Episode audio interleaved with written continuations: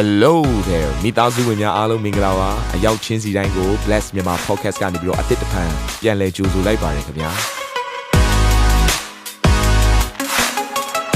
ဒီတစ်ပတ် Daily Devotion အစီအစဉ်ကတော့ယခင်ကဟောကြားခဲ့တဲ့နှုတ်ကပတ်တော်များထဲကနေပြီးတော့ highlight လောက်ဆောင်ပေးထားတာပဲဖြစ်ပါတယ်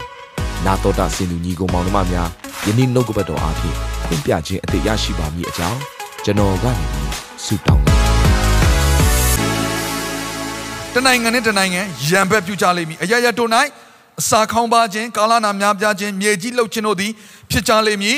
ဒီကျမ်းစာနဲ့အလားတူကျမ်းစာနောက်ထပ်လုကာထဲမှာဆိုရင်ဘယ်လိုရေးထားလဲဆိုရင်နော်လူမျိုးတစ်မျိုးနဲ့တစ်မျိုးတနိုင်ငံနဲ့တနိုင်ငံရံဘက်ပြုကြလိမ့်မည်အရရတို့၌ကြီးစွာသောမြေလှုပ်ခြင်းအစာခေါင်းပါခြင်းကာလနာများပြားခြင်းတို့သည်ဖြစ်ကြလိမ့်မည်မိုးကောင်းကင်၌၎င်းအမိုးကောင်းကင်၌လည်းကြောက်မဲ့ဖွယ်သောအရာနှင့်ကြီးစွာသောပုပ္ပနမိတ်တို့သည်ပေါ်ထွန်းကြလိမ့်မည် ဆိုတော့ဒါလေးပုပ္ပနမိတ်ဆိုတဲ့အရာလေးပို့ပြီးတော့ပါလာတယ်ကဲကျွန်တော်စောစောဖတ်တဲ့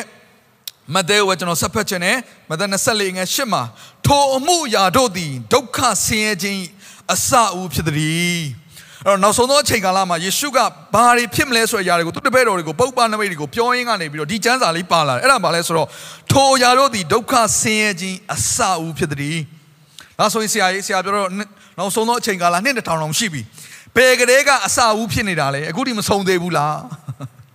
အဲ့တော့ဒုက္ခဆင်းရဲအစဖြစ်တယ်ဆိုရင်အဆုံးမှာရောဒုက္ခဆင်းရဲကယော့သွားမှာလားလို့မေးစရာရှိတယ်မယော့ဘူးအဲ့တော့ဒီအဖြစ်ပြက်လေးကိုကျွန်တော်တို့ကျမ်းစာတွေကိုလေ့လာတဲ့အခါမှာသူကယေရှုခရစ်တော်ဘာနဲ့ပြန်နှိုင်းရှင်လဲဆိုတော့တားဖွာခြင်းဝေနာကိုခံစားရတဲ့အမျိုးသမီးနဲ့နှိုင်းရှင်တယ်နောက်ဆုံးသောအချိန်ကာလကိုဒီဒုက္ခဆင်းရဲတွေကိုကဲအမျိုးသမီးတွေဆိုပို့ပြီးတော့သိတယ်အထူးသဖြင့်ကလေးမွေးပြီးတဲ့အမျိုးသမီးတွေကောင်းကောင်းသိတယ် ကျွန်တော်အမျိုးသမီးဆိုသုံးခါသိတယ်ကလေးမွေးတဲ့ခါမှာဘိုက်နာတယ်နော်ယောက်ျားလေးကဘိုက်နာတယ်ဒီလောက်ပဲဒါပေမဲ့အမျိုးသမီးတွေကျတော့ခံရတဲ့ခါကျတော့စပြီးတော့နည်းနည်းနာတယ်ဆိုတာဖြစ်လာတယ်တန်အဲ့နည်းနည်းနာတဲ့အရာကဟာတဖြည်းဖြည်းနဲ့ဘိုက်နာတဲ့အရာတက်တာသွားပြီးကလေးမွေးသွားတယ်ဆိုတာရှိလားကြားဘူးလားလို့ကျွန်တော်တခါမှမကြားဘူးသူဘိုက်နာတယ်ဆိုတဲ့အရာကနာတယ်သို့တော်လည်းပဲသူက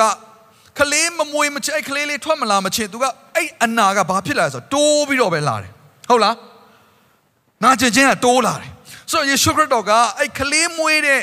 အမျိုးသမီးရဲ့နာကျင်မှုနဲ့နောက်ဆုံးသောအချိန်ကာလကိုသူကနှိုင်းရှင်ထားတယ်နော်ဘယ်လိုပုံစံမျိုးလဲ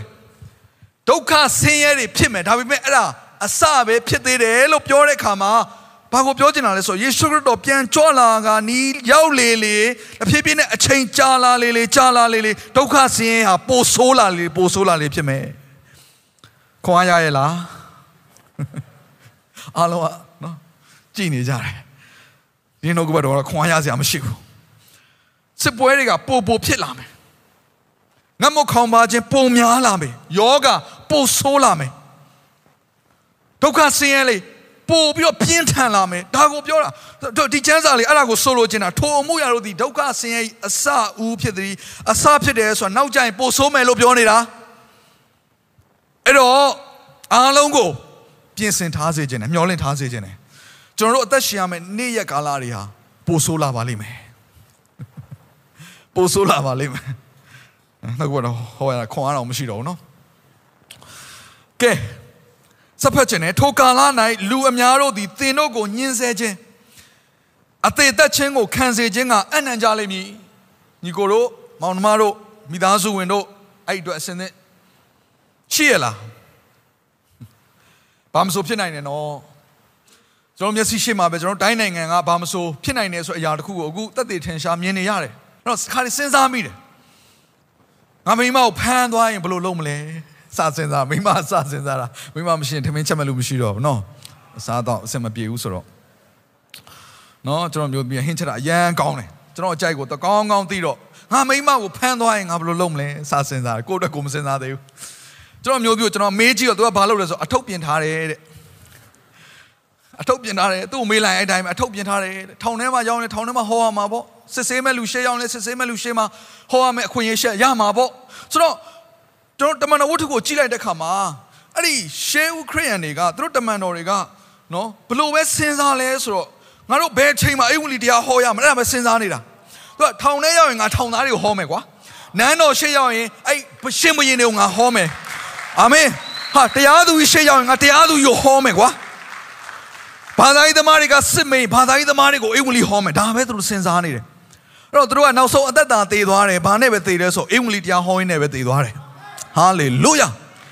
အာမင်အဲ့တော့ဒီနေရာမှာဗာရေးထားလဲဆိုတော့သင်တို့ကိုလို့ပြောတဲ့အခါမှာကျွန်တော်တို့ယုံကြည်သူတွေကိုပြောနေတာဒီချမ်းစာကသင်တို့ကိုနော်ယေရှုအဲ့ချိန်မှာသူတို့ကိုပြောနေတာတပည့်တော်တွေကိုပြောနေဟေးမင်းတို့ကိုအပ်လိမ့်မယ်နော်ဆိုတော့ယေရှုပြောခဲ့တဲ့အတိုင်းပဲတမန်တော်တွေသူရဲ့တပည့်တော်တွေကအဲ့တိုင်းပဲခံရတယ်ခေါင်းဖြတ်သက်ခံရတယ်နော်တခါလဲလှန်ကြုံနဲ့ထိုးပြီးတော့အသက်ခံရတယ်မျိုးစုံပဲကိုခန္ဓာအပိုင်းပိုင်းလုပ်ပြီးတော့ခံရတယ်စီပူထဲမှာနှစ်ပြီးတော့သက်ချင်းခံရတယ်မျိုးစုံသောညှင်းဆဲခြင်းတွေအားလုံးဘသူတွေကအလဲ အချင်းချင်းတွေကပဲအကြတယ်အဲ့တော့ဒီညမှာဘလို့ရေးထားလဲဆိုတော့နော်ငါဤနာမကြောင့်ခတ်သိမ်းသောလူမျိုးတို့သည်တင်တို့ကိုမုံကြလိမ့်မည်ဘယ်ဘာကြောင့်မုံလဲဆိုတော့ကျွန်တော်ပြောမယ်အေဝံဂေလိတရားဟောလို့မုံတာတချင်းမဲဆိုပြီးဘုရားကျောင်းထဲမှာငြိမ်ငြိမ်လေးနေရင်ဘယ်သူမှမမုံအရန်ချစ်တယ်။အော်ခရိယန်တွေကပြောစရာကောင်းလိုက်တာချင်းလေးဆိုပြီးတော့လက်ဆောင်လေးတွေပေးပြီးတော့ဘာမှမဖြစ်ဘူးဘုရားကျောင်းထဲမှာပဲနေ။ဒါပေမဲ့ဘုရားကျောင်းအပြင်ကိုထွက်ပြီးတော့အေဝံဂေလိသတင်းစကားကိုဟောလာပြီးဆိုရင် မာနကကြောက်တယ်။မာနသည်သူ့ရဲ့လူတွေကိုနှိုးဆော်တယ်။ထိုအေဝံဂေလိတရားကိုဟောသောသူတွေကိုရက်တန့်ဖို့ရန်တားဆီးဖို့ရန်နှီးမျိုးစုံနဲ့လှုပ်ဆောင်တယ်ဒါကိုပြောချင်တာဖြစ်တယ်။ဆိုတော့ကျွန်တော်တို့ကိုမုန်းကြလိမ့်မယ်။ထိုကာလ၌လူအများတို့သည်ဖောက်ပြန်ခြင်းသို့ရောက်၍အချင်းချင်းတယောက်ကိုတယောက်အကြလိမ့်မည်။ဒါမယုံကြည်သူတို့ပြောတာမဟုတ်ပါဘူး။ယုံကြည်သူအချင်းချင်းထဲမှာဖောက်ပြန်တော်သူတွေဖြစ်လာမယ်။ဆိုယုံကြည်ခြင်းတရားကိုစွန့်လွတ်ပြီးတော့မနာလိုခြင်းတွေမုန်းတီးခြင်းတွေဟာအချင်းချင်းထဲမှာပေါ်လာလိမ့်မယ်။သတိထားပါဆိုတဲ့အရာကို ယေရှုခရစ်တော်ပြောတယ်ကဲနောက်တစ်ခုကကျွန်တော်ဖတ်ချင်တယ်အချင်းချင်းမုန်းကြလိမ့်မည်မိစ္ဆာပရောဖက်အများတို့သည်ပေါ်လာ၍လူများတို့ကိုလှည့်ဖြားကြလိမ့်မည်မိစ္ဆာပရောဖက်လို့ပြောတဲ့ခါခါမှာမယုံကြည်သူဘက်ကမဟုတ်ယုံကြည်သူတွေကဆရာသမားတွေတဲကပဲနှုတ်ကပတ်တော်နဲ့မညီသောတင် जा ချက်တွေအားဖြင့်လာတော့မယ်ဆိုတော့ဒါကိုနော်အယူလွဲတဲ့အရာပေါ့နော်ကျမ်းစာတော့ရှင်းတယ်မိစ္ဆာလို့ပဲပြောမိစ္ဆာပရောဖက်လို့ပဲပြောတယ်ကြောင့်ဒါကိုလည်းသတိထားဖို့လိုတယ် ကျွန်တော်တို့ online ခေတ်ကိုရောက်လာတဲ့အခါမှာဤမျိုးစုံအကုန်ကြားရတယ်ယေရှုရဲ့ပုံလိုပုံစံမျိုးလောက်ထားမယ်ဒါပေမဲ့နှုတ်ကပတ်တော်ကခါလဲခရိယန်တရားဟောသလိုပုံစံမျိုးတရားဟောစရာတရားဟောသလိုဟောနေလိမ့်မယ်ဒါပေမဲ့သို့တော်လည်းပဲယုံကြည်ခြင်းတရားကနေလွဲဖယ်စေမဲ့နှုတ်ကပတ်တော်တွေကိုကျွန်တော်တို့လွယ်လွယ်ကူကူကြားလာရပြီမြင်လာရပြီ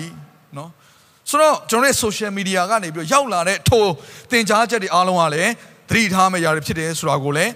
ယေရှုကသတိပေးသွားတယ်ဒါယေရှုကိုယ်တိုင်ကပြောတဲ့စကားတွေဖြစ်ပါတယ် မတရားသောမှုတို့သည်များပြားသဖြင့်အများသောသူတို့ချစ်ချင်းမေတ္တာသည်ခေါင်းပါလိမ့်မည်။နောက်ဆုံးသောချိန်ကာလမှာဘာတွေဖြစ်လာမလဲဆိုတော့ lawlessness တရားမဲ့ပြုတ်တဲ့ကိစ္စတွေပေါ်လာလိမ့်မယ်။ဆိုတော့စိတ်အလိုတိုင်းပြုတ်တဲ့ကိစ္စတွေပေါ်လာလိမ့်မယ်။ဒါသည်လူတိုင်းအသက်တာထဲမှာရှိလာနိုင်တယ်နော်။ငါရဲ့စိတ်ဆန္ဒတိုင်းမှာငါအသက်ရှင်မယ်။ငါကိုဘယ်မှာလာမထိန်ချုံနဲ့ငါကိုငါပိုင်းနေစသည်ဖြင့်ဒါတခုတခါအဲ့လီတို့ပုံစံမျိုးပဲ အချင်းချင်းကြားထဲမှာဖြစ်လာတဲ့ခါကျတော့သူတို့ရဲ့လှုပ်ဆောင်မှုတွေဟာလည်းဘာဖြစ်လာဆို lawlessness တော့သူတို့မှာအစီအတားတွေမရှိတော့ဘူး boundary ဆိုတာမရှိတော့ဘူးလိုက်နာမယ်လူကျင့်ဝတ်ဆိုတာလည်းမရှိတော့ဘူးစသဖြင့်ခံယူချက်ယုံကြည်ချက်တွေမရှိတော့မယ်စိတ်အလိုဆန္ဒကဘာတောင်းတနေတယ်တောင်းတနေတဲ့အတိုင်းပဲသွားမယ်ဒေါသထွက်ရင်ဒေါသထွက်တဲ့အလျောက်ပြုတ်မှုမယ်နော်အထက်မှာတက်မှတ်ခြင်းအလိုဆန္ဒရှိတက်မှတ်ခြင်းတိုင်းပြုတ်မှုမယ်ဆိုတဲ့အရာတွေဖြစ်လာပြီးတော့အဲ့ဒီကနေတစ်ဆင့်ဘာဖြစ်လာလဲဆိုတော့ lovelessness ချစ်ချင်းမြတ်တာတွေမရှိတော့ဘူးစိတ်အလိုဆန္ဒတစ်ခုပဲရှိတော့တယ် အဲကြောင့်မလို့တစုံတယောက်နဲ့ပေါင်းဖော်မယ်ဆိုပါစို့ဆိုပါစို့မင်္ဂလာဆောင်နေဆိုရင်သူနဲ့ချစ်နေတဲ့၍သူ့ကိုနည်းနည်းစိတ်ပါနေတဲ့၍သူနဲ့အဆင်ပြေနေတဲ့တော့နေမယ်ဒါပေမဲ့စိတ်မပါတော့ဘူးဆိုရင်လည်းရက်လိုက်မယ်ပြီးရင်သူ့စိတ်လိုဆန္ဒနောက်တစ်ယောက်စီရောက်သွားမယ်ဆိုရင်နောက်တစ်ယောက်နဲ့ဆက်သွားမယ်သူ့စိတ်လိုဆန္ဒကယောက်ျားချင်းမိန်းမချင်းမှမဟုတ်တော့ပဲယောက်ျားချင်းယောက်ျားချင်းရှိမယ်ဆိုယောက်ျားချင်းယောက်ျားချင်းသွားမယ်သူ့စိတ်လိုဆန္ဒကတယောက်တည်းနဲ့အတူအိပ်ရတာမပျော်လို့လူ900လောက်နဲ့တပြိုင်တည်းအိပ်မယ်ဆိုရင်လည်းသူ့စိတ်လိုဆန္ဒနဲ့သူလိုက်တော့မယ် သူစိတ်လိုဆန္ဒကလူကိုဒေါသထွက်တဲ့တတ်ချင်တယ်ဆိုရင် तू တတ်မယ်နော်ကြောက်တုံးမယ်ဆို तू ကြောက်တုံး तू ဘယ်ရမှမစင်စားတော့ तू စိတ်ထဲမှာဘာဖြစ်ချင်လဲအဲ့ဒီအလိုဆန္ဒနောက်ကိုလိုက်ပြီးတော့ lawlessness လို့ခေါ်တာပေါ့ဘာမှသူ့ရဲ့တက်တာထဲမှာ boundary ဆိုတဲ့အရာမရှိတော့ဘူးအစီတားဆိုတဲ့အရာမရှိတော့ဘူးထိန်းချုပ်ခြင်းဆိုတဲ့အရာမရှိတော့ဘူးအဲ့တော့အဲ့ဒါရဲ့နောက်ဆုံးရလကဘာလဲဆိုချစ်ချင်းမေတ္တာပျောက်ကွယ်သွားတယ်ချစ်ချင်းမေတ္တာဆိုတာပျောက်ကွယ်သွားတယ်စိတ်လိုဆန္ဒနောက်ကိုပဲလူတွေအားလုံးလိုက်သွားကြတော့တယ်ချစ်ချင်းမေတ္တာဆိုတဲ့အရာဖြစ်လာတဲ့ခါမှာဘာရှိလဲဆိုတော့ sacrifice ဆိုတဲ့